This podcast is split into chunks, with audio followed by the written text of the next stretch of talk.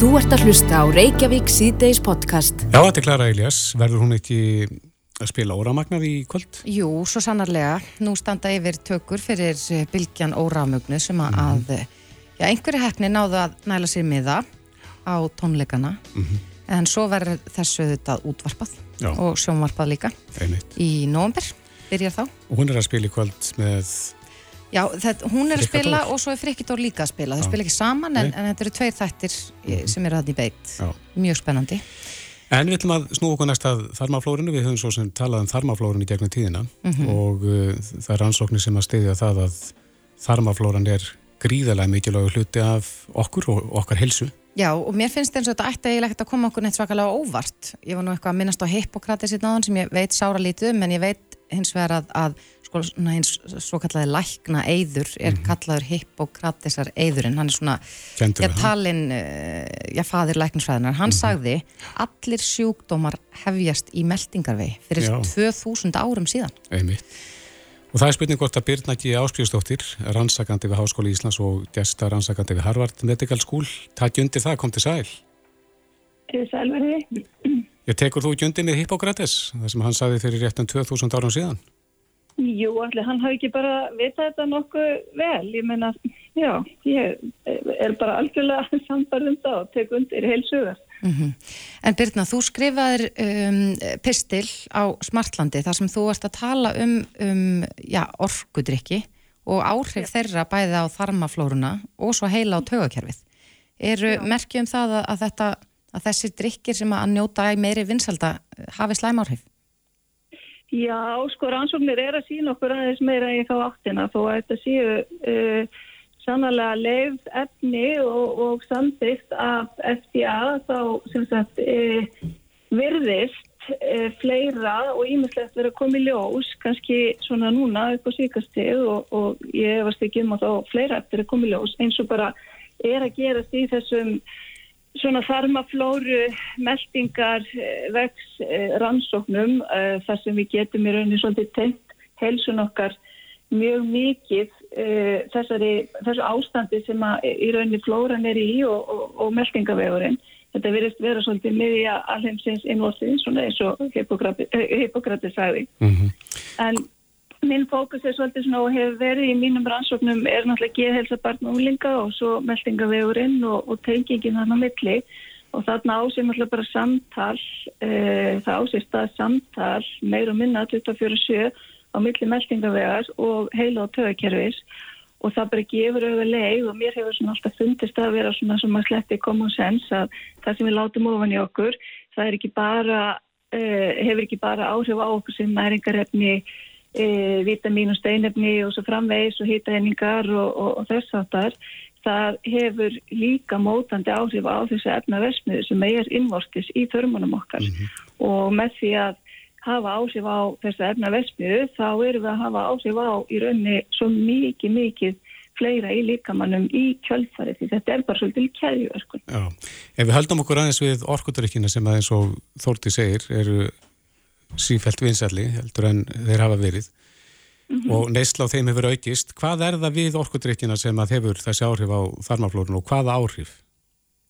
Sko það er kannski tvent sem maður eru að horfa á annars vegar er það þessi gerfisæta eða þessi sætu efni sem eru eiginlega yfirleitt alltaf í orkudrykkjum jú, sumir innihalda sigur en flestir og mjög margir innihalda sætu efni eða bæði og svo er það hérna koffinmagn sem er í flestum tilfellum frekar hátt og stundum bara allt og hátt.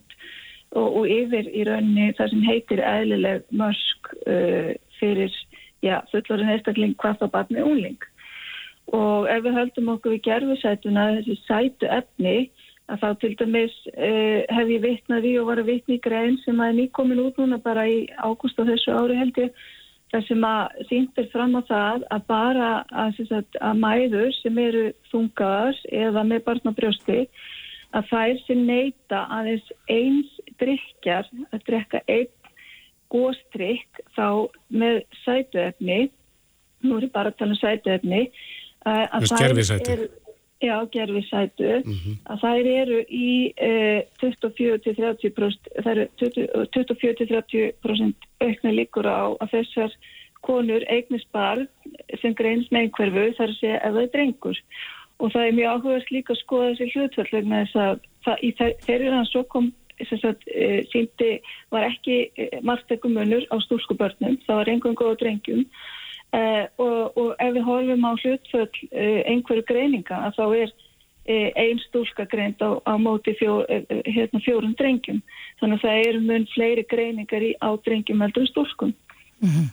og ef við horfum líka á tíðunni greininga á einhverju að þá er það drastist hvað það hefur í rauninni aukist í hérna á síðustu árum og við horfum tilbaka bara, horfum tilbaka bara þegar ég er að fæðast e, upp úr 1970 þá eru 24 að hverjum 10.000 börnum sem greinast með einhverfu árið 2000 þá er eitt að hverjum 150 börnum að greinast með einhverfu árið 2020 þá eru eitt af hverjum 36 börnum að greinast með einhverju mm -hmm. og nota benni einn stúrka á móti fjórum drengjum. En hefur, hefur aukinn þekking á einhverfu ekki spilað stóra rullu í, þessum, í þessari tölfræði? Alveg klárlega eru við að skima meira og grýpa fleiri. Það er alveg pottitt en þetta er miklu, miklu, miklu meiri aukning heldur en að uh, það útskýri alla aukninguna fyrir utan það að uh, í rauninni flest allir sjálfsónami sjúkdómar og ég er ekki að segja að, að, hérna, að einhverjum sjálfsónami sjúkdómar hún er samt í rauninni tögþróska röskun og það er skarar við sjálfsónami sjúkdóma vegna þess að þetta eru bólkur og ímislegt sem er sammeilegt en í rauninni við horfum yfir miklu starri E, hérna, e, greiningar á til dæmi sjálfsvonum sjúkdómum og einhverju þá eru í rauninni þá tvöfaldast greiningar hverjum 15 árum þannig að það er eitthvað annað og meira að gera steltur um bara hæfni sérfræðingar til að greina. Já, og þú setur þetta þá vísindamenn í beint samviti við aukningu á neistlu kerfisætu drikja? Ekki engungu, en hún áklárlega hluta máli eða það virðist vera að þetta er náttúrulega við, þetta áttur er rannsaka betur við, það er ekki þetta full hérna staðhæfa í dag algjörlega, en það er alveg klárlega eitthvað þarna sem er mjög mikilvægt að rannsaka betur og fá meiri skilning á, svo sannlega og hérna, en a, bara ef ég tala um gerðursættu svo er það líka náttúrulega koffinni sem, sem er í þessum flestum drikkjum, allavega kóladrikkjum og orkudrikkjum, það er kannski ekki í öllum góðstrikkjum en það er í kóladrikkjum og orkudrikkjum og kannski þegar við erum að setja saman hátt koffinmagn og þess að gerfi sætu eða eh, hérna sætu efni, þá eru við kannski líka að horfa á enn frekar vegna þess að koffin hefur áhrif á á meldingavegin og hérna hvernig við í rauninni framleiðum og byrstum taugabóðefni sem við framleiðum í meldingaveginum og, og það eru sagt, bæði sætuöfnin og koffinni hafa áhrif á þessa e, framleiðslu þessu taugabóðefni. Á það sama og, þá við um bara vennilegt kaffi? E, kaffi, sagt, kaffi sem er drukkið í hófi og innan við kannski fjóri botlar á dag, það inniheldur yfir höfum mun lægra magna af koffinni, til dæmis eitt botla kaffi svona venjuleg kaffi, þetta er hægt að gera það mjög stærst, en hann er kannski að innihalda um 100 milligram af koffinni meðan að margir eh, koffin, eh, svona hérna, orskudrykkir eru e, e, nær 200 hérna, milligramum í helmingi minna magni þar að segja og jafnvel alveg upp í 400 milligram í drikk sem mhm. er allt og mikið og til dæmis sko þetta með þessi fullorinn einstakling að fara ekki yfir 400 milligram á dag E, þungaðar konur og konur með batna brjósti þær eru að vera í helmingnum af þessu. Þær eru ekki farið yfir 200 milligram á dag. Nei. og svo batna úlingar er ekki farið yfir 25 milligram á kíl. Og þannig verðum að horfa á 50 kíl á einstakling hann á ekki farið yfir 125 milligram á dag. Og er fæstir orkudrykkir einn dós undir því. Og 7-8 börnir eru kannski drekka orkudrykki þannig að það, það, það segir sem sjálf þetta er allt og hátt magna koffinu þetta hefur áhrif og reyðilandi eða þess að þetta raskar þessu gott breyn axis e, samskiptum sem ásist stað frá þörmum í heila og tveikjari mm -hmm. og þess að þarmaflórun Já, Birna, við erum því mér alveg að falla tíma mér langaði svo bara rétt aðeins í lókin sko fyrir þá sem er nú ekki endilega búinir að sökva sér ofin í þessi fræði með þarmaflóruna, hvar ámar að byrja til þess að reyna að komin í stand? Maður á bara að byrja því að borða mat sem er matur og það er ekki að lesa neitt utan ákastendur. Ég meina egg og, og gremmiti og ávistir og fiskur og netur og fræ og bönir og allt þetta bara segir sér sjálf hvað, hvað er. Mm -hmm. Þetta er bara matur sem gerur okkur gott, góðar óljur og, og svo framvegis. Ef við þurfum að fara að lesa innihaldi á pökkunum til skilja hvað er í matnum, þá er hann ekki eh, að gera okkur sérstaklega gott. Þannig að við horfum bara á einfalt, fest, uh, lokal mataræði sem, mat, hérna, mat, sem er rættaður í, í okkar eh, landi og, og nær umhverfi það er auðvitað það, bara sá matur sem hendar okkur best. Ekki mikið áherslu á fersmeti og grænmeti og áherslu til að fá trefjar og hérna þá erum við bara að næra flórunna og auðvitað þurfum við alltaf að hugsa í einhverjum gerlum. Mm -hmm. fá okkur eitthvað gerjast til þess að fá inn þess að gerla eh, auðga flórun okkar og kannski ég vil taka inn einhverja gerðla í einhverjum góð gerðla formi en sama hvaðan gott kemur ef við erum að huga að þessu mm -hmm. þá erum bara að gera alveg fullt og náttúrulega á sama tíma snegða hjá mikið til þessu Já. unna á þessum bóstrykkjum og, og, og sætu og jafnveg sigurinn líka og, og þó ég segja, segja sætu efni sé ekki eskileg þá ég heldur ekki segja sigurinn sé hotlur því hann getur líka valdið ímsum vandamálum en sigurinn er betri sjaldan heldur en að vera mikið í gerðisæti, ég. Já, þetta er góð ráð. Birna G. Áspísdóttir, rannsakandi við Háskóla Íslands og gestarannsakandi við Harvard Medical School. Kæra þakki fyrir þetta. Takk fyrir mig. Þú ert að hlusta á Reykjavík C-Days podcast. Ég þarf ótt að segja að þetta sé fréttaríku dagu þegar það kemur að pólitíkinni. Bjarni Benediktsson, fjármálar þarf að búa til blóðamannafundar í morgun. Já, með mjög stuttum fyrirvara og, og það hafa nú einhverjir uh, fréttamenn sagt að oftast þegar það er bóðað til fundar með svona stuttum fyrirvara og ekki sagt sérlega mikið um efni fundar þess að þá eru stór tíðind í vendum mm -hmm. en uh, í morgun fengum við að sjá já, álit umbúsmanns alþingis varandi sölun á Íslandsbanka þar sem að uh, hæfi Bjarnar til þess að annars þessu sölu var til umræði mm -hmm. og já, fólk er svona á viksl hissa og ekki hissa. Flestir nú kannski hafa líst yfir ánægja með þessa ákvörðin hans að axla ábyrð með þessum hætti. En svo verður eflust spurt að leikslokum þegar við fáum að vita sko hvað gerist svo. Já. hvort að Bjarni haldi áfram að vera uh, já, ráþerra þá bara í einhverju öðru ráðuneti eða hvað? Mm -hmm. Nú til að fara eins yfir stöðuna er þau komið til okkar Þorgjöru Katrin Gunnarsdóttir formaði við Reysnar og Sigmundur Davík Gunnlaugsson formaður miðflóksins, velkomin bæðið tvö. Já, takk, takk hérlega En við byrjum að þér, Þorgjörður, hvað segir þú um, um þessi stóru tíðindi morgun? Já, álit umbósmanns alþingis var nokkuð afdráttálust. Það var verið að fara á svið hæfis reglu stjósíslunaga og þetta er eitthvað sem við viðrið spenntum á og hafðum mestar áhugir af í rauninni varðandi allt söluferð í Íslandsbánka.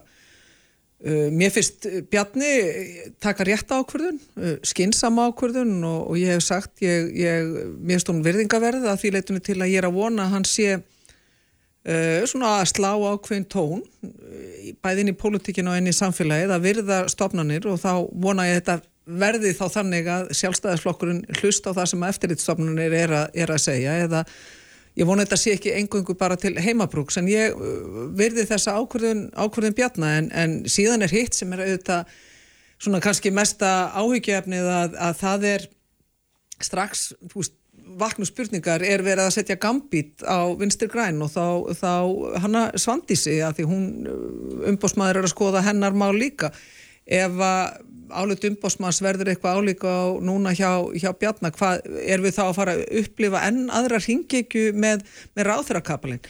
Þannig að meðan að ég er að fá posta frá, frá foreldrum, fólk sem, ungsfólk sem að vara að kaupa sér sína fyrstu íbúð, afborgarna er búin að hækka úr 190.000 í, í 400.000 þá er spurningarna við ríkistunarborðir, erst þú ráþura? Verður þú ráþura? Erst að fara? Erst að koma?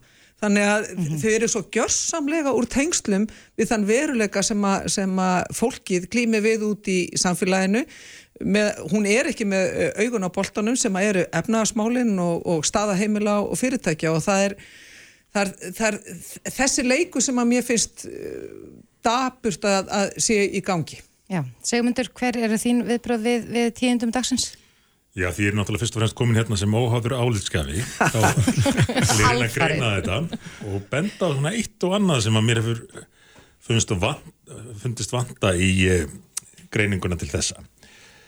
Uh, þetta voru þetta mjög óvænt, þannig að búðar fjármálar á þeirra til bladamannafundar og eh, stígur til hliðar úr embætti. En mér fannst ráðferðan vera bara frekar kátur og benti til þess að hugsanlega sæn tækifæri í þessu uh, og það sem hann við með því er að hann hafi ætlað sér að, að snúa við stöðunni í ríkistjóninni eftir mikil, mikil vandraðagang þar hafandi séð fyrir sér að hann ætti í vandum mikla ágjöf, mikla gaggrinni að reyna að fara úr því að verja næstu dögum í að vera í vörn í að setja Vafge í vörn. Þorgerður kom aðeins inn á þetta áðan uh, og ég hef ekki séð marga nefna þetta þó var viljin með frétt það sem var, var, eða, eða var vísað í, mm. í Elliða Vignisson það var ég ekki hægt að skilja uh, sumar aðgóðsendir Bjarná á fundinum öðru sem, sem, sem svo en hann var að senda boltan yfir á Vafge og uh, Svandísi Svavarstóttur sérstaklega. Hann væri þarna að hætta vegna gaggríni frá uh, ofinberi stofnun, frá umbósmanni Alþingis. Þannig að nú væri boltin hjá Vafge, hvað ætli þið að gera þegar að kemur niðurstaða um, um Svandísi? Og segjum þess að svo að niðurstaða uh, umbósmanns Alþingis erði svo að, að Svandís slippi. Mun það leysa málið þeirri Vafge? Nei, alls ekki við þessar aðstæður. Því þá munu sjálfstæðismenn hugsa sem svo, viðtunum við, fjármálaráðurinn okkar, formaðurinn okkar, jekur ennbætti vegna niðurstöðu sem að var svona kannski einhverju leiti umdælaneg, tekið fram að hann hefði, hann hefði nú svo kannski ekki geta að vita betur, en á að sleppa svandísi. Það mun ekki leysa málið. Þannig að þetta er fyrst og fremst að mínum að þið valda útspil eða útspil í valda baróttu ríkistofnarinnar. Já, það, það er, sko, svo veitum við þetta ekki hvað gerist næst. Það hafa einhverju bent á það að ef að þetta er nú bara eins og þú talar um sko ráþara kapall, ef að, að Bjarni fer í annað ráðunetti og það verða bara einhver skipti, eh, er þá, er hann þá að axla ábyrði eins og margir hafa bent á í dag eða hvað? Hver er eitthvað skoðan á því? Ég held að við skulum bara býða og, og sjá en, en þetta er aðteglisvert sem, sem út í dag við segir að varðandi þetta útspil í dag. Ég, ég hlus, ég held að við megum ekki vann með þetta sterk tengsl uh, og lími í þessara ríkisjón sem heldur henni saman. Og það eru uh, þetta vinarþel og, og samst, gott samstarfs sem að þessi góðu samstarfsmenn sem að, að Katrín Jakobs og, og Bjarni Ben er þannig að það, við mögum ekki vannmeta það. Síðan er, er hitt að það var áhugavert að hlusta á umræður í þingin í dag og sjá hvernig hver þingmaði meðalans uh, sjálfstæðisflokksins á fætur öðrum stígur í pontu þingmenn sem hafa ekkert endilega verið mjög þægir uh, í, gegnum tíðina að nefna Jón Gunnarsson og Óla Björn Kárásson og svo alltaf á kantunum er, Brynja Níelsson. Uh, mér fannst tótni vera að sá að í rauninni voruði þegar upp á staðið að segja við ætlum að vera þægir lengi lifi ríkisjónin þannig að þrátt fyrir allt, þrátt fyrir allar þessar hrókiringar og, og alla þessa alla þessa vendingar sem að voru í dag að ég er ekki farin að sjá hana þess, heldur en að þessi ríkistjórn lafi áfram til mikill óþursta fyrir Íslands samfélaga mín, mínum mati. En, en uh, þar sem að þessi dag og líka segja mér að ímsir kannski voru að gera ráð fyrir það að Bjarni myndi ekki vera formaði sjálfstæðisflokksins áframinn í næstu kostningar ég er ekki viss um það að það sé máli, það getur vel verið einmitt þert á móti að mm -hmm. hann sé með þessu að reyna að styrkja sínastöðu og sjálfstæðisflokksins inn í næstu kostningar þannig að, að hérna, minnst þetta mjög áhugaverðu pólitískur, pólitískur dagur mm -hmm. Sem veitu, hvað segir þú átt þú vona því að Bjarni sé að víkja úr ríkistjórn eða delur að þarna verði einhverjum sem stólastífti að ræða? Það var náttúrulega mjög sérkennilegt að þarna skildi formaði sjálfstæðarflokksins og fjármálar á þeirra skilja stöðuna eftir eins opna og hann gerði. Hann svaraði því ekki hvort hann er því formaði sjálfstæðarflokksins áfram eða ráð þeirra eða þingmaður Þetta er óvinnulegt í, í stjórnmálum en hugsanlega er hann þarna að tefla djart og eflust er hann með eitthvað plan um það hvað hann vil fá út úr þessu. En þegar að hlutirnir fara á hreyfingu þá getur verið mjög erfitt að framfylgja planinu og nú eru hlutirnir farnir á hreyfingu. Það vakti líka aðtekli minna að eh, Bjarni fekk uh, þessa niðurstöði hendur fyrir 5 dögum, 5. óttobér Þannig að hann er búin að velta þessu fyrir sér í, í marga daga án þess að telja strax til, til þess að tilkynna þessa niðurstöðum. Hann saði frá því að hann hefði látið fósettisræðra vita en svo byrtist viðtal við innan innviðar á þeirra sem sagðist bara hafa séð þetta í fréttum á bladmannafundunum. Hafði ekki hugmyndum þetta. Að samstagsmaður í ríkistjórn væri að fara að segja af sér embætti flokksformaður stærsta flokksins. Og það hlýtu nú að segja okkur ímislegt eða gefa okkur tilumni til þess að velta vöngum. Þetta er allavega vísbendingum það sem að marga hefur grunað þrátt fyrir allar ógöngur þessara ríkistjónar og ósamlindi að þá hafi fyrst og fremst Bjarni Benediktsson og Katrín Jakobsdóttir tekið ákverðunum að halda áfram að vinna saman sama hvað á gengur sama hvernig verður með, með eh, ágreiningsmál og stórmál að þau bara verðið tvö að klára þetta kjörtífambil hafi ekki eins og fyrir því að láta, láta eh, samstags, samstagsflokkin vita og, og, og, og þá sjáum við pyrringin sem braust út uh, vegna þess en hvernig mun það ganga? Hvernig verða til dæmis viðbröð Vafge? Hvað sem líður viðbröðum Katrínu Jakobsdóttur? Því hún er ekki, ekki eini í, mistirgrænum. Núna í þingin á hann, í umræðum fundastöld fósetta, sagði þingflokks formaður Vafge og ég veit maður bara beint í það sem hann sagði. Nú liggur fyrir álitt trúnaðamanns alþingis sem ráþara hefur brugðist pólitist við og það þykir mér rétt niðurstaða og ég fagna henni saði Þinglásson maður Vafge og eh, maður heyrir að í baklandi Vafge sé mikil kurr núna Þó, þótt uh, Bjarni Benditsson og Karin Jægarsdóttir vil ég bara halda einhverju stöðu næstu tvö árin, þá er ekki alveg vist að núna þegar hlutnur eru farnur reyfingu að, að það sé mjög einfalt Ég held að í þessu samiki að ég undirstryka það, ég held að við vannmetum ekki styrk Katrínar bæði utanflokks en ekki síðu innanflokks og ég held að Vinstri Græn get ekki hugsað sér það að uh, vera án hennar uh, þessa, um þessar, þess, þessar myndir. Ég held hins vegar og ákveði segi ég að þessi ríkistjón muni gera allt til þess að lafa og, og mér finnst þessi skref í dag vera og svona orð líka viðtöl, fyrstu viðtöl og viðbröð Katrínar hér áðan undirstryka það að þau ætli sér að gera allt til þess að að láta ríkistjóðnina lafa og það er eins og ég segi það er ríkistjóð sem tekur þá ekki ákvarðan í þessum stóru mikilvæga hagsmunamálum. Þau munir skíla sér á bakvið það að það er erfiði kjærasamningu framöndan, þá þurfa að vera hér ríkistjóð þau munir síðan skíla og vel að merkja kjærasamningu þau fara stað núni í haust. Þeir fara ekki almennilega stað fyrir eftir og upp úr áramótum. Síðan þegar þeir klárast sem þeir vonandi, vonandi gera sem, sem allra fyrst. Þá tekur við næsta afsökun sem er það að það verða fórsveitakostningar í júni.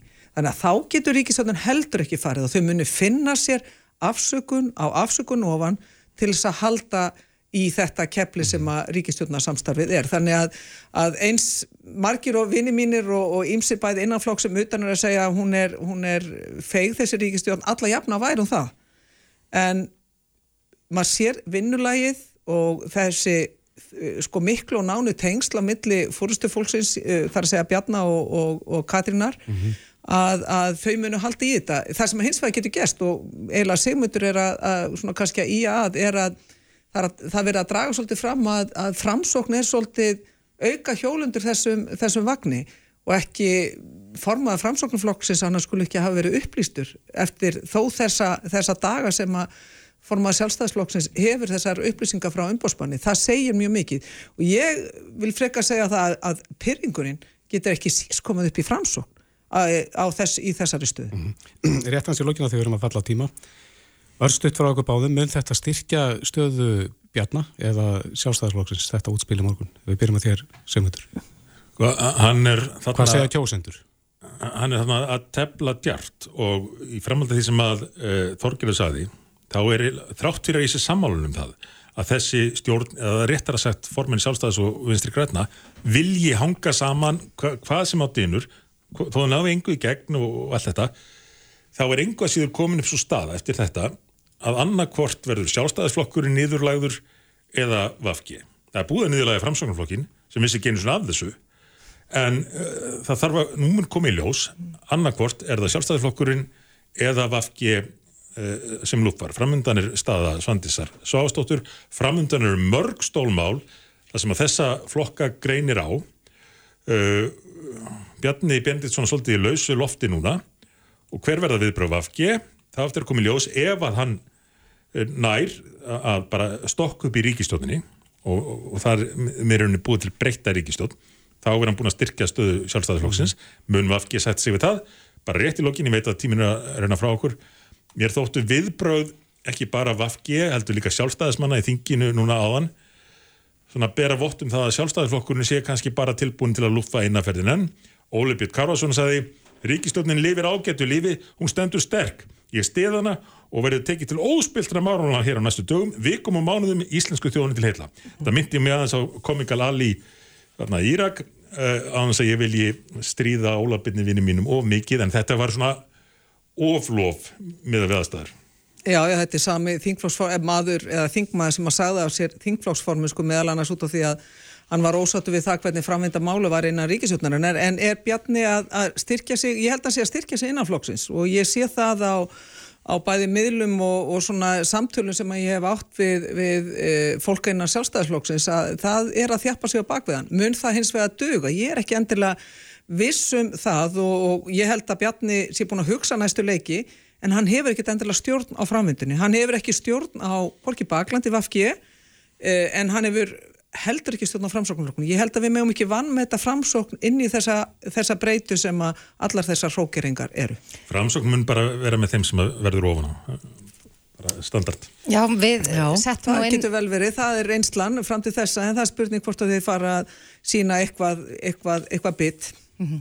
Við settum inn viðhórskonun á vísi.is í dag bara svona aðeins þess að kanna hög þjóðurnar eftir þessi tíðindi og spurðum hvort að, að já, fólk telti að afsökk Bjarnar Benditsson myndi leða til kostninga áður en að kjörtjumbilinu líkur og, og þú tala nú um að, að ríkistjórnin lafi e, þarna eru 54% tæp 53,9% sem telja að þetta myndi leða til kostninga áður en að kjörtjumbilinu líkur og við höfum nú rætta hér og ýmsir álgjafar hafa sagt að, að óþólið sé aukast þannig að ég held að næstu dagar verði í það minsta spennandi þess að fylgjast með. En Þorgeri Katrín Gunnarsdóttir formaður Virisnar og, og Segmund Davík Gunnlarsson formaður miðflokksins, kæra þakki fyrir komuna. Takk sem er leiðis Þetta er Reykjavík C-Days podcast. Áfram höldum við Reykjavík C-Days. Eh, það má segja það að tölur hækki sífælt þegar kemur að mannfalli í þessu stríði. Ísraela og Hamas Já, eh, við höfum fylst með síðan snemma á lögatás morgun þegar að Hamas-samtökun gerðu loftar á sér á Ísrael og, og, eh, og svo framvindunar hreinlega. Þetta er búið að vera eh, bara hræðilegt að fylgjast með Já. eins og alltaf þegar að um slíka átökur að ræða. Einmitt. Þetta brast á með fjöldamorðu þarna á lögatægin. Mm -hmm. Öllum á ofurum, Albert Jónsson, fyrirvændi senda hér og sérfræðingur í utanrikkismálum er komið til okkar velkomin. Takk. Já, þetta er óhugnarlega staða sem komin er þarna upp á svæðinu. Já, afskaplega óhugnarlega og um, í samenginu við þessa löngu og tragísku -hmm. sem hefur verið þarna í þessum heimsluta áratögum, áratögum skiptir, þá er þetta, ég held alveg öruglega og því er aldrei fram fordæma löst og uh, þannig að það er einhver er einhver mikið saga spurningi vaknar að þetta af hverju núna af mhm. hverju er þetta mikla umfanga af hverju þessi harka, þessi grimd, þetta miskunarleysi mannfallið er ótrúlegt í gær uh, sagði ég sá uh, talsmann Ísraelska hersins að það hef ekki fallið jafn margi gýðingar á einum degi síðan í helförinni sem þegar að þíski nazistar voru að reyna útrýma gýðingum mm -hmm. þannig að það talaði myndum með þessum hætti og ekki ástæðalösu þetta sé komið þúsund manns mannfallið í Ísrael Mm -hmm. En ef maður velti fyrir sér sko, já því sem að gerist næst, nú eru þetta allþjóða samfélagið að, að breðast við og, og uh, við rættum nú við auðaríksráð þeirra okkar í gær uh, sjáum við fyrir okkur að þessi deila muni leysast á næstunni? Nei, alls ekki.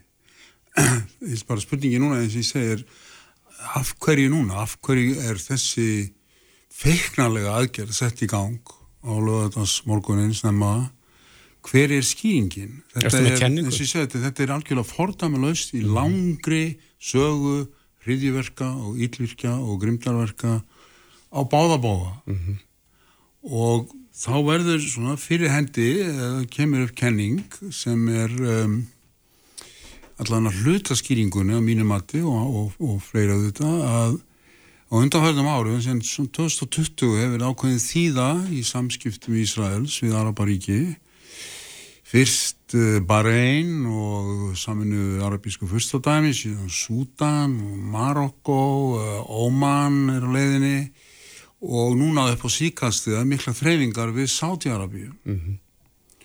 og kenningin er svo að þetta og, og þess vegna er þetta svona mm, ofsafengið og fordamalöðust það sé verið að reyna að skada eða eidilegja þennan prósess. Að undirlagi hverra?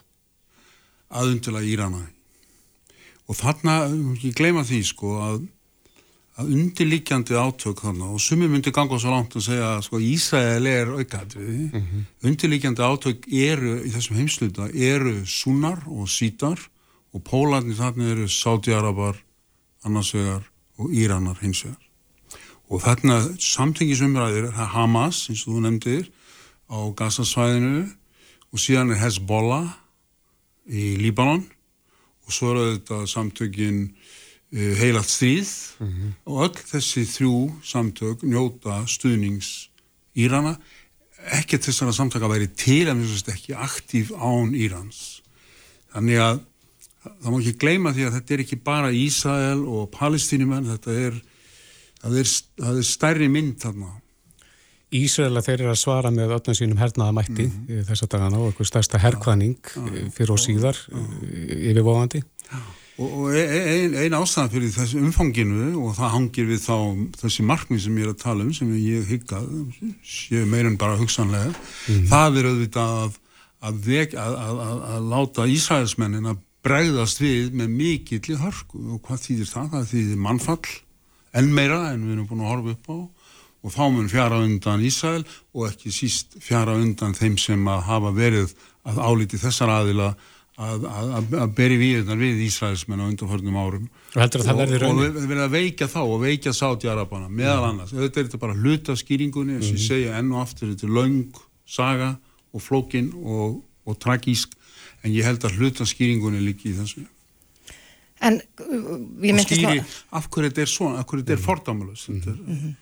Já, en ég myndist náðans á það hérna að allþjóða samfélagi hefur bröðist við og það eru þetta mikið, mikið tekist á um, um þess, þessa stöðu sem er þarna og búið að takast á um þetta í, í ára tugi. En, en hvað geta, hvað getum við sem þjóð gert til þess að reyna að, að já, stilla til friða? Hvað geta stopnarnir saminuð þjóðna og, og allar þessar alþjóðlega stopnarnir gert? Stoflanir saminu þjóðana mun ekki gera margt og hafa ekki, nú, nú þegar hefur örgisfæði algjörlega brúðist þessu máli ekki voru ekki fundurinn í því í gæri eða fyrrakvöld sko, na, þetta er náttúrulega bara stríð og mjög harkalegt eins og blasir við. Og ég meina þú spyrir hvað við getum gert það er auðvitað ekki mjög mikið en, en þó eins og minna, okkar viðdragsáður og fórst að tala mjög skýrt fordæmt þetta með mjög skýrum og aftráttalöðsum hætti. Um, eitt sem er eh, áhugavert við þetta er eh, að, og ég nefndi á þann sko að kannski er einn mótivasjónin baku þessi þetta að, að, að, að tryggja að Ísælsmennir bregðist við að slíkri hörku að mhm. fjari undan stuðningi við það en stuðningurinn og samúðin með Ísæl hefur verið gífurlega mikil frá lögadaginn og þeir bara njóta stuðnings almennt, stuðnings alþjóða samfélagsins, það er ekkert mhm. flokknar aðeins það Einmitt. En, eh, en auðvitað ef að þeir fara núna inn í Gaza og svona ákveði merkjum það að þá ykst mannfallið meðan fólksins þar alveg gífurlega og það kemur mjög illa út mm fyrir Ísrael og það mun draga úr stuðningi við Ísrael, þetta við gerst allt saman áður sko og þannig að, um, að þetta er svona það sem heldur. Síðan auðvitað er hinn spurningin eh, mun þetta breyðast út í þessum heimsluta til nákvæmnaríkjana. Tilur það líklegt? Telur það líklegt? Já, ég tel það alveg líklegt. Skoðaði málið, sko, næsta nákvæmlega ríki er Líbanon, þar eru Hezbollah samtökin sem við nefndi á þann mm -hmm. og það er ekki bara þau séu, það er einhver staðar, eh, þau hafa tökla haldir í Líbanon, þau mér að minna stjórna Líbanon og njóta alfarið, er, var ekki til ánstuðnings í Íranna og það hefur komið að margóft til átaka milli Ísraels og Hezbollah í uh, í Líbanon. Hezbollah er mjög aktífir í Sýrlandi, í stríðinu sem hefur verið þar og kostar hundruð þúsunda manna lífið og Hezbollah eru ennþá inn í Sýrlandi. Það er líka Íranar með helmingin mannskap. Nú Sýrlandi er bara hinn með við landamærin við Ísrael og, og, og síðan auðvitað er þessi samtök sem nefndi á hann he, heilagt stríð. Mm. Þeir eru líka inn í Sýrlandi. Einmitt. Þannig að þessi, þessi koktel er þarna, allar forsendur eru til staðar á móti kemur að þessir aðilar hljóta átt að segja því að átök við Ísrael í þeim dýrkjöf, Ísraels her er afaröflugur, þeir vita það, það var langar einsla því. Tæknilegur. og þú nefndir á að það hefur verið að kalla út núna held sem 400.000 var að 300.000 heyrði ég. Já, ég held að það hefur komið upp í 360.000 í dag. Og uh, Ísraels her er afar vel opnum búin. Mm. og uh, En einn spurning Albert, uh, að því að svona árás eins og var frangand á lögadaginn krefst gríðalega mikils undibúnings Já. og menn spyrja hvernig gatt þessi undibúningu farið fram í á leinithjónustu, já, mörgum leinithjónustu stopnunum í Ísrael? Já, já, það er einn spurningin.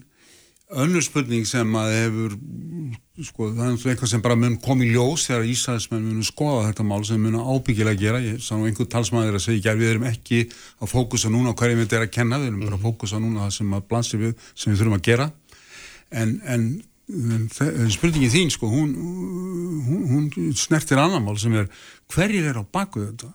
Og það er þetta beina sjónur að Írunum þeir hafa sagt aðstiklerkur Íran sagði í dag það veit allir það að við skoðum okkur á þessu máli við hafa líst eindregnum stuðningi hafa, en, en, en þessi gitt og kláð en við komum ekki nálagt undirbúningum við erum ekki beinir þáttakendur í aðdraðanda þessara árásar Eh, Sumi trúa þessu, sumi trúa þessu ekki. Þetta er greinilega eh, eitthvað sem hefur verið undirbúið í marga mánuði, það þarf, þjálfun, það þarf skipulag, það þarf fjármagn, það vita það allir að Íranar er stuðningsæðilin þegar kemur að fjármagni og, og, og, og öðru sem að þarf til svona hluta. Hvort þeir voru beinir þáttagendur í ákvörðuninni eða aðdraðandunum þetta, það veit ég ekki frekar næri en en, eh, en þetta gerist auðvitað ekki án utan að komandi aðstofar hvort sem hún er bein eða óbein. Mm -hmm.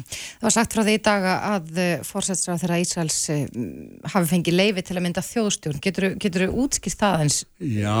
Já, sko, náttúrulega í, á svona örlaga tímum þá er þetta ekki bara Ísrael en öðru ríkjum tilhengið til þess að mynda þjóðstjórn á samstöðu og eh, en síðan á það líka að, að talið er sko rætur í því að það hefur verið mikil, mikil sundrung í Ísrael undan harna mánuði og lengur endar og uh, talið einn ástæð þessi að, að Íranar eh, og Hamas hafi látið til skaraðsveginun að séu ímynd þeirra af sundruðu Ísraels, óeining, nú sé lag, meira lag en, en ofta áður. Mm -hmm. En þjóðstjórnin á nú, eins og sé, mörg, mörg, mörg fordæmi fyrir því þegar neyðar ástand í ríkjum að þá eru myndað þjóðstjórnir og stjórnarlandstæða fengið með.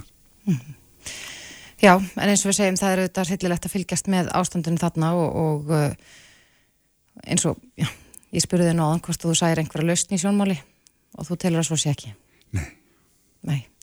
Já, Albert Jónsson, fyrirvandi sendiherra og sérfræðingur í utanriksmálum Kærar, þakki fyrir komina Takk. Þetta er Reykjavík C-Days podcast Stóru tíðindi dagsins uh, voru í morgun þegar að Bjarni Benediktsson eh, fjármálar á þeirra búða til bladamannafundar og uh, það komið svo sannarlega þar kom bomba. Já og uh, ég hef nú talað við hérna ymsu aðila í dag sem hafa sagt sko að það byrjaði svona, þessi fundur byrjaði svona nokkuð hægt og, og, og Bjarni var að, að svona já, komið sitt álit á áliti umbúsmanns alþingis en, mm. en svo segir hann af sér ráð þeirra stólnum þessum ráð þeirra stóli það minnsta. Já En þau sátu hérna hjá okkur áðan Þorgir Katrín Gunnarsdóttir og, og Segmundur Davíð Gunnlusson og við fórum aðeins yfir þetta og eitt af því sem að, já, Segmundur myndist nú á var að, að vakti hans aðtekli sérstaklega að, já, Bjarni verist hafa rætt við fórsættisáþara um mm -hmm. þetta áðurinn að hann tilkynnt um, um ákvörðun sína en ekki við Sigur Inga. Nei. Þriðja formannin í þessu ríkistjórnum sam, samstarfi. Já, það vakti aðtekli. Björn Ingi Hrapsson, reittstjóri Viljans er komið til okkar, velkomin. Já, takk fyrir. Kom þetta þér óvart í morgun? Já, sannarlega. E, e, það auðvitað kom mér svolítið óvart líka bara þetta álit umbósmanns vegna þess að þetta er auðvitað í stóra saminginu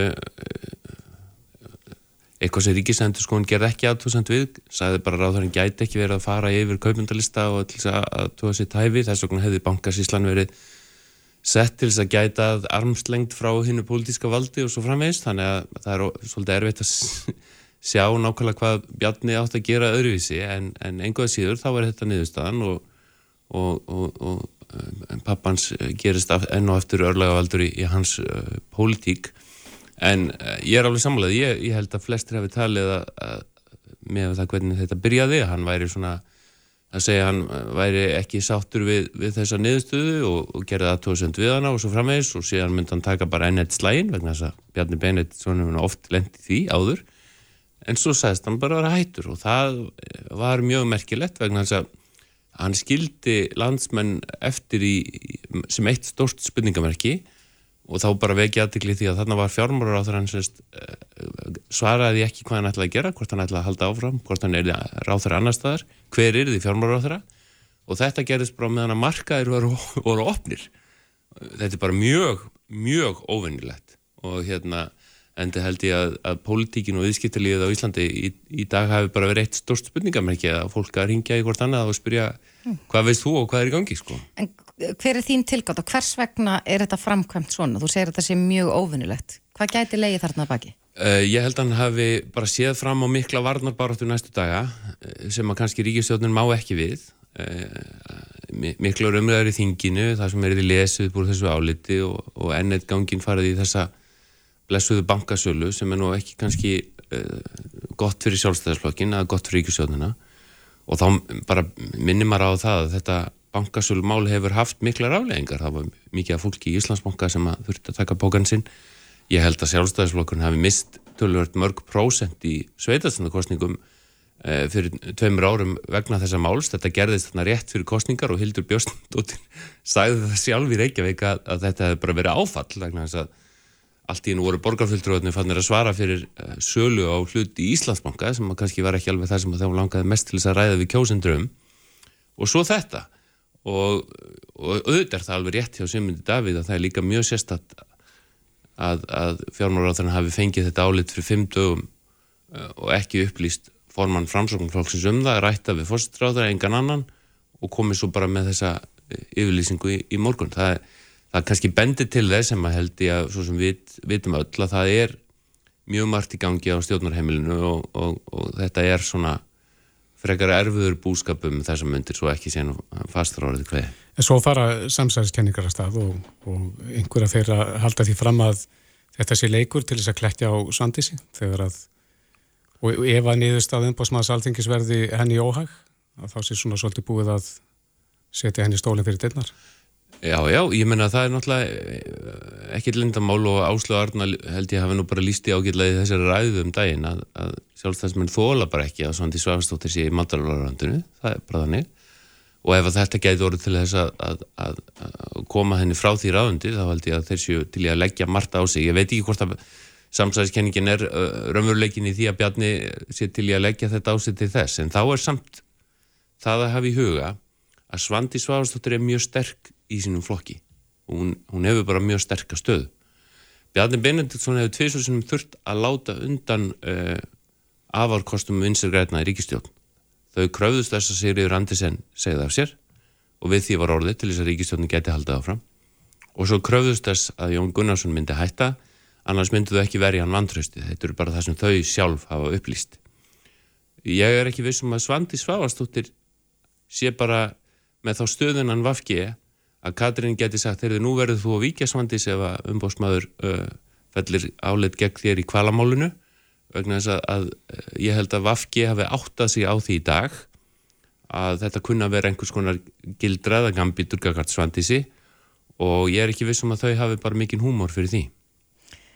Ég held að næstu dagar hljóti að vera ja, mjög áhugaverðir vegna þess að eins og segir að þá eru við ennþá með bara jafnvel fleiri spurningar heldur en svör Ég sannarlega, það náttúrulega veit engin hver verður fjármára á þeirra, það veit engin hvort Bjarni ætlar að halda áfram, ég held reyndar að hann muni halda áfram og þá kannski drægi nú eitthvað úr eh, yfirlýsingu fólks í dagum að það sé uh, dýrmætt þegar menna axli ábyrði með þessum hætti ef þetta er rauninni bara einhver ráðra kapall mm -hmm. og hann er fyrst og fremst að skipta um, um stól en haldi áfram og uh, þá er líka bara allar þessar bollaleggingar framöndan. Það er alveg rétt að stundum í pólitík ætla menn að vera með króka á móti bræði og, og, og hafa frumkvæði í staðan fyrir að bræðast endalust við.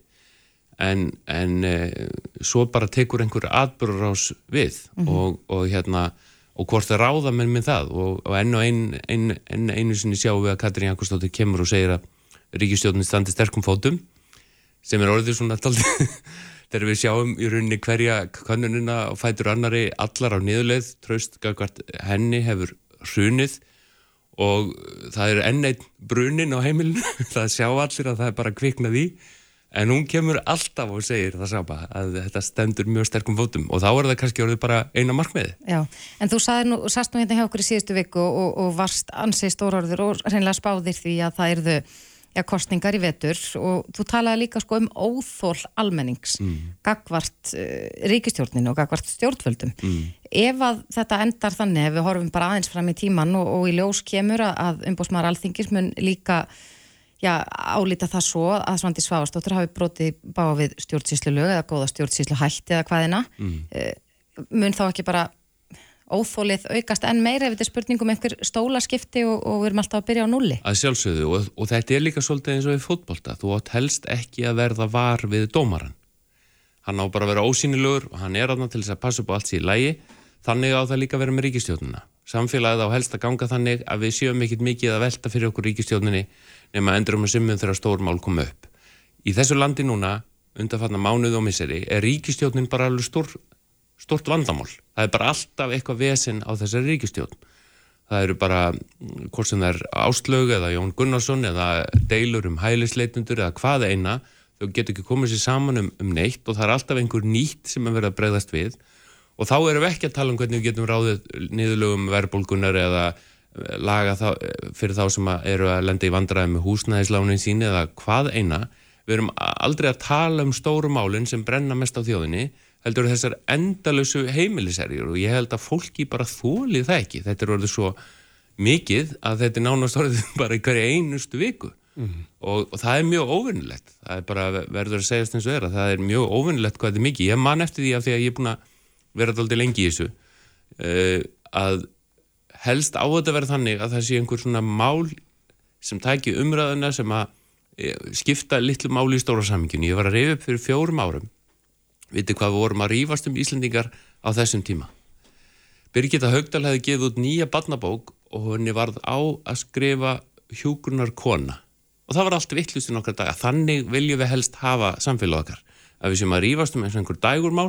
Littlu málinn. En, en, en sko stóru málinn, eh, ríkistjónin og þessir helstu pósta séu bara í lægi. En, en það sé ekki allt í tómum tjóni á topnum. Eh, Björn ekki, viltu spá fyrir en framaldið? Hvað, hvað gerist núna?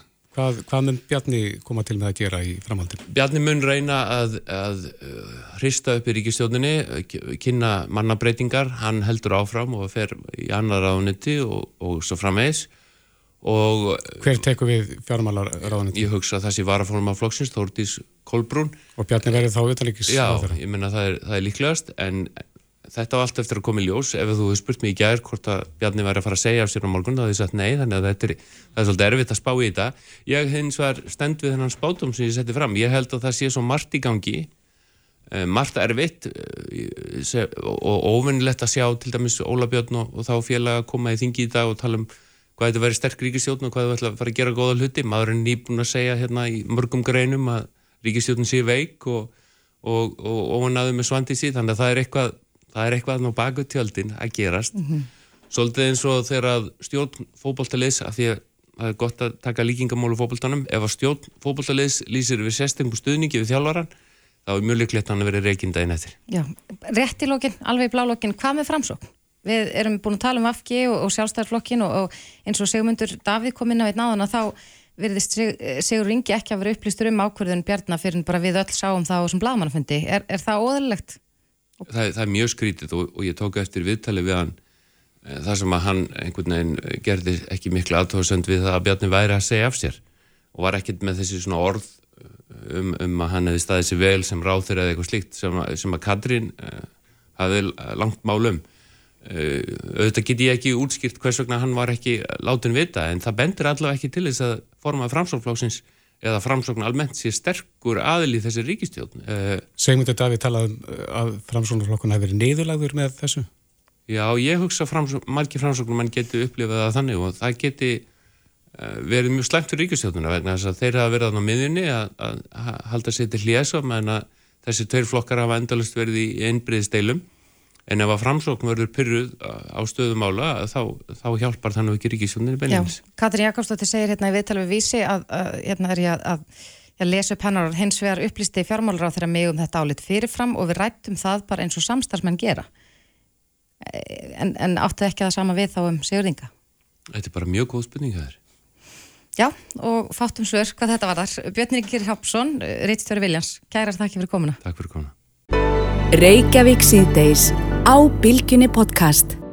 Já, það er að mörgum hópum og mörgum einstaklingum að, að higgja uh, í nútíma samfélaginu og, og það, það gengun á, ymsu en við höfðum spurnir að því að Alma Ír Ingolstóttir var á síðast aðarfundi örkja bandalagsins uh, þeirra rétta samtaka kosin formaður og, og hún sest hérna niður með okkur stuttastönd en, en örkjar hér í landi eru sannarlega ekki fáir þegar allt er til tekið.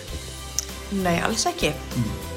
Og ég rauninni má segja að sko að fallað fólk og það er að leiðin til hluti sem eru þá örkjar, hluti af þeim sem eru örkjar, er teljist sem 15% af hverju þjóð þannig að, að þá má bara reikna það hvað, hversu stórt hlutfall af Íslandi eru það fyrir þessi 15% mm. sem er hansi stórt mm. þannig að okkar hópur er já, eins og segir, gríðarlega stór mm. Ég komst í kynni við örkja bandalæð þegar ég var ég með til vinnu á lottóinu og, og þá hitti maður fyrir gladværan hóp en, en jáfnframt fólk sem að um, þurft að sækja margar brekkundar eftir sínu réttindum. Er það ennþá svo? Já, það fólk þarf að, að hérna að hafa svolítið fyrir því að fá kannski sínum réttindum synd mm. og, og, og fengi þau viðkend og þar höfum við verið að standa okkur að mínum mandi mjög vel. Mm. Við erum hérna veitum fría ráðgjöf og hinga leita til okkar fjöldinallana fólki með margskonar mál. Mm þannig að, að já, þetta er það má vel að segja bara að, að í þessu málaflokki séum við alltaf í einhvers konar langklaupi þegar það snýra að réttindum þeirra. Þurfa menn að ganga í örkja bandalæði eða er þetta Nei. öllum sko, við erum, við erum sko reglífa samtök fyrir fatlað fólk og innan, sagt, sagt, innan þess, þess hóps eru náttúrulega öryrkjar. Mm þannig að við erum hérna bæði fallafólk og öryrkjar. En hver, sagt, hversu margir sko á Íslandi eru er kannski svolítið erfitt að segja. Uh, ég held að sko örorkulífurins takar það eru þeir sem að sagt, fá örorkulífurins í ykringum 20.000 og en það endur spæklar samt ekki þann fjölda sem að hérna er í heldina yfir sko fallað fólk og öryrkjar. Þannig að að það gefur ekki rétt að sína þannig. Mm, mm.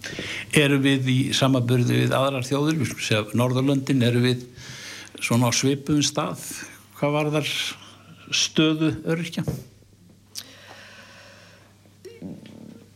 Félags, félagsleiri stöðu og, og, og bara Já, góðan gangmála Við náttúrulega vegum það til að, að, hérna, að samsum okkur náttúrulega við Norðurlöndun í mörgu mm. og þegar við erum til dæmis að hérna í alls konar stefnumótun eða frumarpskerðum og þá lítum við til þessar nákvæmlega þjóð okkar þannig að já og nema við erum kannski við erum aðeins við stöndum þeim frammi mm.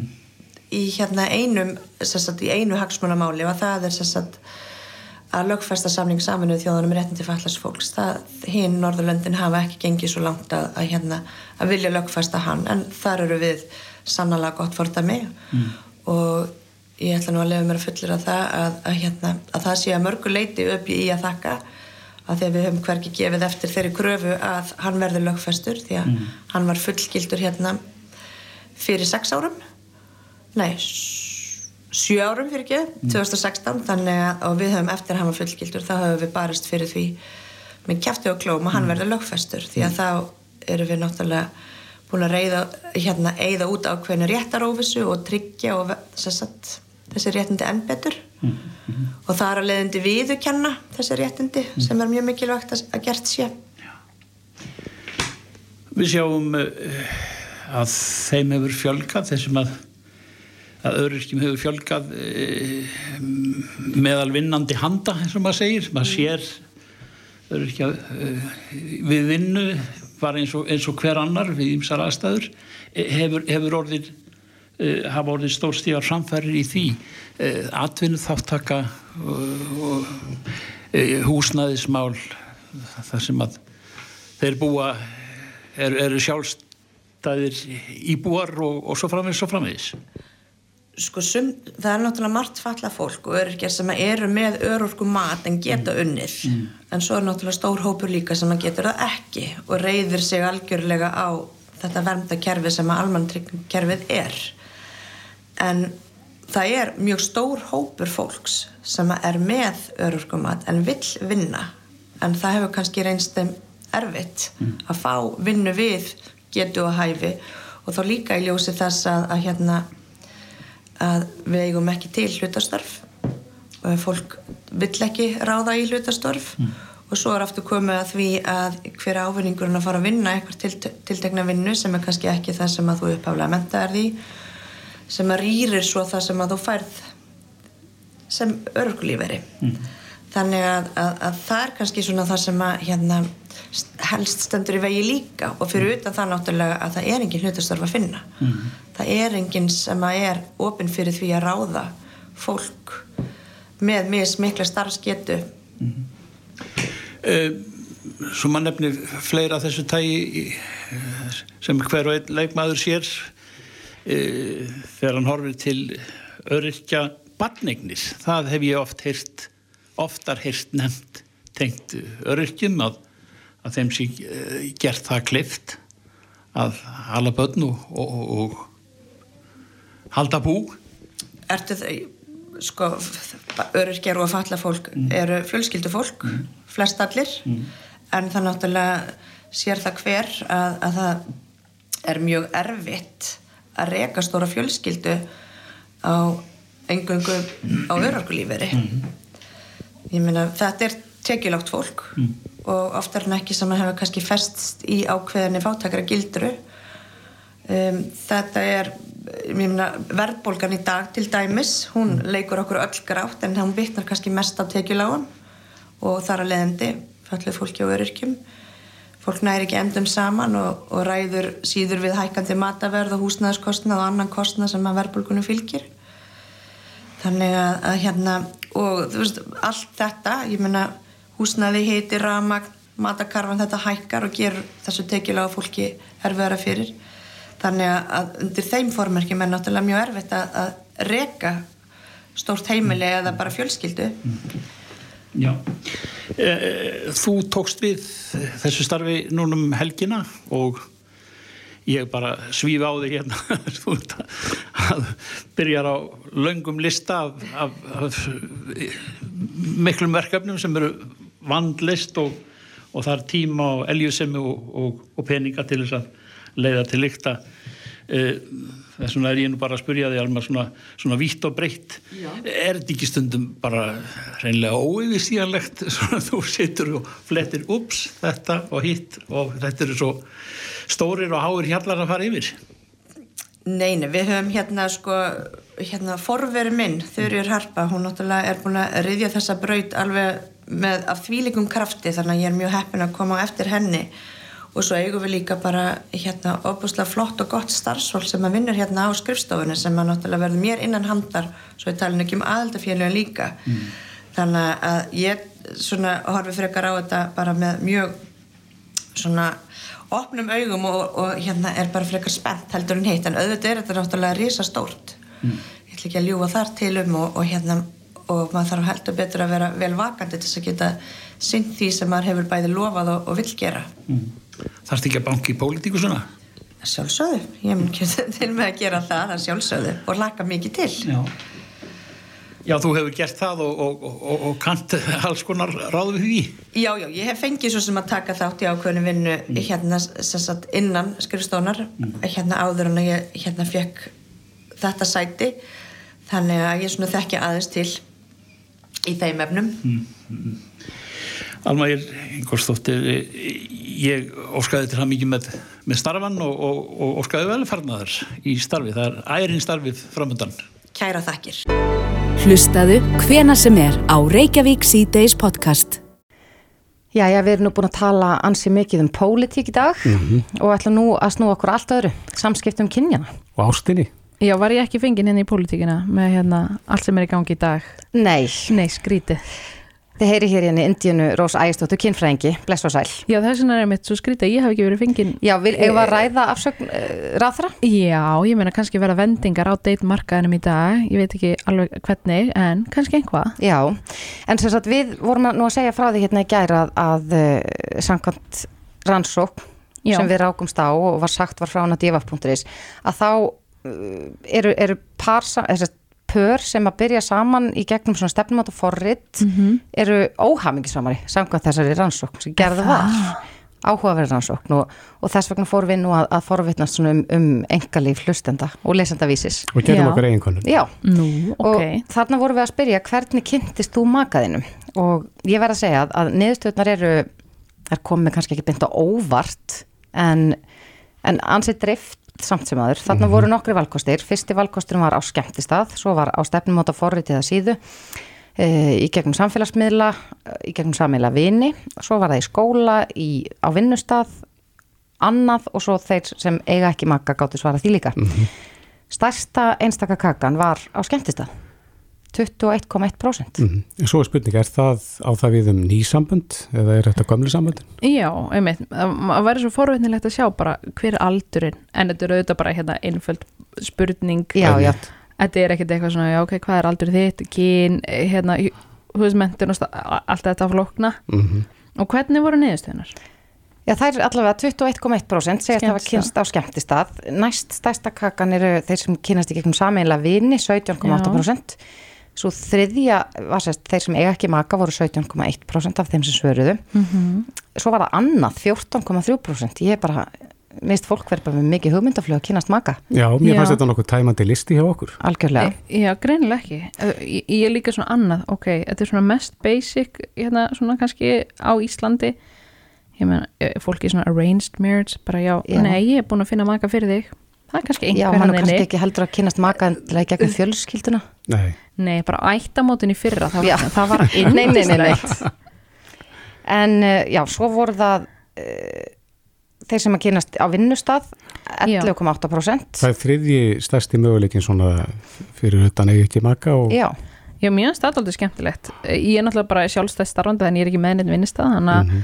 kannski tengi ekki akkurat núna við þess að svona hvað hva heitir þetta á íslensku? Svona office romance, svona vinnustæðaromantík. en, en mæl, er mælt með því? Nú er, nú er svona fara að tvenna sögur að því hvort að það sé hreinlega sniðugt að- Sniðugt. Sko það fyrir svona eftir. Já, oft heyrir maður svona ekki skýta það sem þú getur. Uh, Akkurat það. að þetta er eitthvað svo vesen og drama þá er það auðvitað alls ekkit hérna, skemmtilegt og oft geta verið svona erfiðar og flókna tilfinningar og ef það eru sambandslít og það var hérna hrikalegt samband og vinnustarinn bara í einhverju volli. Mhm. en ég meina ef þetta er bara gott samband og samskiptur hreinskilin og þetta er bara almennt heilbrið samskipti af hverju ætti þetta að vera eitthvað svona hrikalegt? Já, en það fyrir auðvitað bara eftir fólki og Mhm. vinnistæðinum, það er svo margar breytur hana en ég er alveg hissa að sjá hvað hérna stefnumótafórið var lítið Já 7,4% eða þar á undan voru reyndar þeir sem sögast að kynst í skóla 7,6% og svo stefnum átta forritin eða síðurnar 7,4% ég hefði líka haldið að það veri Já, uh, herra hlutvall og það var kannski svona emitt, forvinnilegt að sjá aldurinn. Núna er ég 30 og ég kynntist mannin mínum á Tinder. Þannig að minn aldur væri kannski emitt herri þar frekar en kannski eitthvað annað, ég veit ekki. Um, já, því ég er svona já, ég veit ekki alveg núna er ég náttúrulega bara búin að vera með mínum maka í 8 ár, ég er svona ok, jú, ég veit alveg eitthvað svona fólk fyrir á stefnumót en svona hvað er fólk að kynnast ég hefði mitt haldið að stefnumótafóritin væri ofarlega, eða svona fleiri þar kannski hjá yngri kynnslóðinu þá. já, Mm. þú veist eins og Tinder og Smitten, þú veist það er svo mikið af þessu að koma En er kannski mikið af samböndum sem að verða kannski ekki eins langlíf?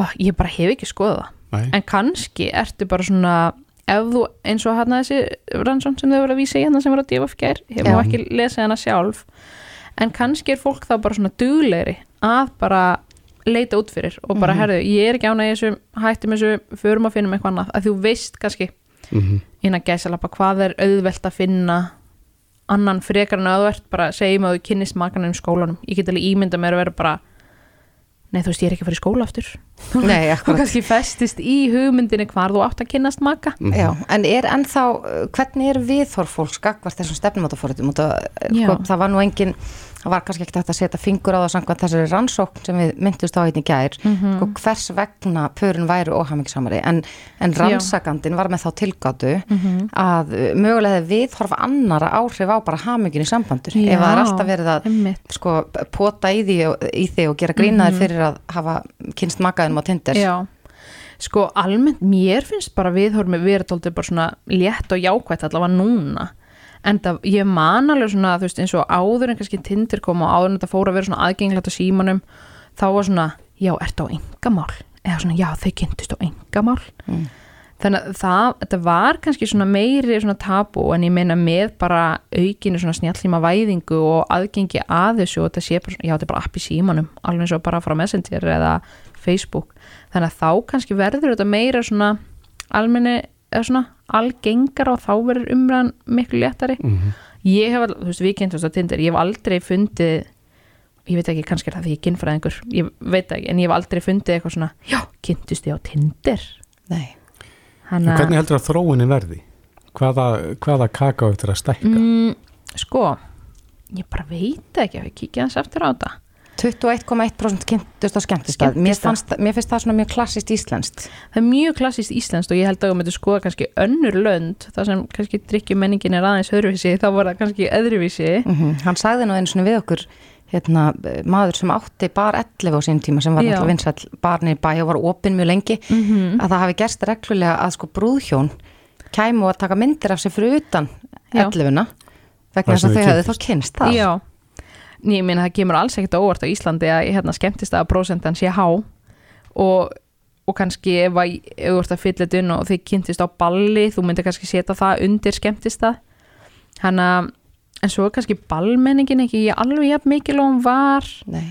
uh, skemmtist það, jú en ég veit ekki, ég held að sé svona og þetta er svona kannski klassíst Íslendingar þurfa kannski að drekka í sig kjark til að fara að tala við eitthvað og þá gerur það. Mhm. Uh, en mér finnst eins og með stefnum og það fóröðin, þú veist, Tinder og smittin og allt þetta sem er að koma, mér finnst þetta að hafa svona aukið svona date pælinguna þú kannski mattsar eitthvað hana við eitthvað og kynnist einhverjum þarna til spjallið, en svo fyrir það date. Já, það var nú kannski- mikið talað um það að, að, að romantíkin væri svolítið farin úr þessu.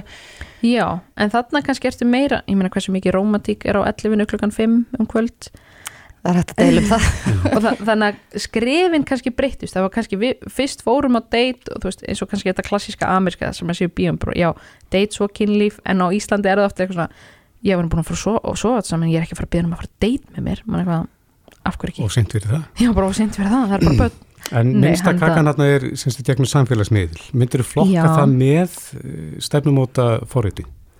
Sko ég held að fólk nefnilegast nota alveg samfélagsmiðla eins og stefnum út á forrið Mm Þannig ef ég var í single þá myndi ég alveg mikið kannski fara á Tinder og eins og fara á Instagram, skoða fólk þú þarf kannski fleiri myndir, þú sér sameila vini betur kannski, Senda skilabóð. senda skilabóð, sérð hvað þessi manneski er búin að vera að læka þannig að þú sérð Mhm. kannski svona þú veist, að því á Tinder, ég man ekki þú veist, og smittin, ég, þú veist kannski með tíu myndir eða eitthvað en ég meina á Instagram, maður sér rosalega marga myndir þar og maður getur skoðst og er bara, já ok, hún er hérna hún er alltaf að ferðast eða hérna, hún er rosalega mikið í fótboltanum og fyrir ekkert kannski einmyndan og sérð kannski meira um mannskina, þá myndi ég alveg senda skilabóð þar Mhm.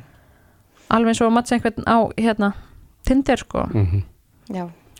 Já, þetta hefur svo sannlega breyst samt sem aður. Já. Bara á, á skömmum tíma, það er nokkið langt síðan að þessi stefnumóta forrið bara voru ekki til og, og jafnvel eftir nokkur ára við myndum gera sambærlega könnun þá væri kannski hlutfallið herra af þeim sem að kynast í gegnum þessi upp eða síður. Já, algjörlega og ég meina fyrir 15 árum samfélagsmiðlar hefði ekki verið þarna inn á sem option eða þú veist, Kannski. MySpace. já, MySpace og engamál.is en það Já. var kannski ekki allir eða þú veist Já. og hérna skemmtistæðar hefði þá kannski verið ennþá herra prósenta eða einhver, veist, þessi, þessi prósenta hefði dreifist annar staðar Mhm.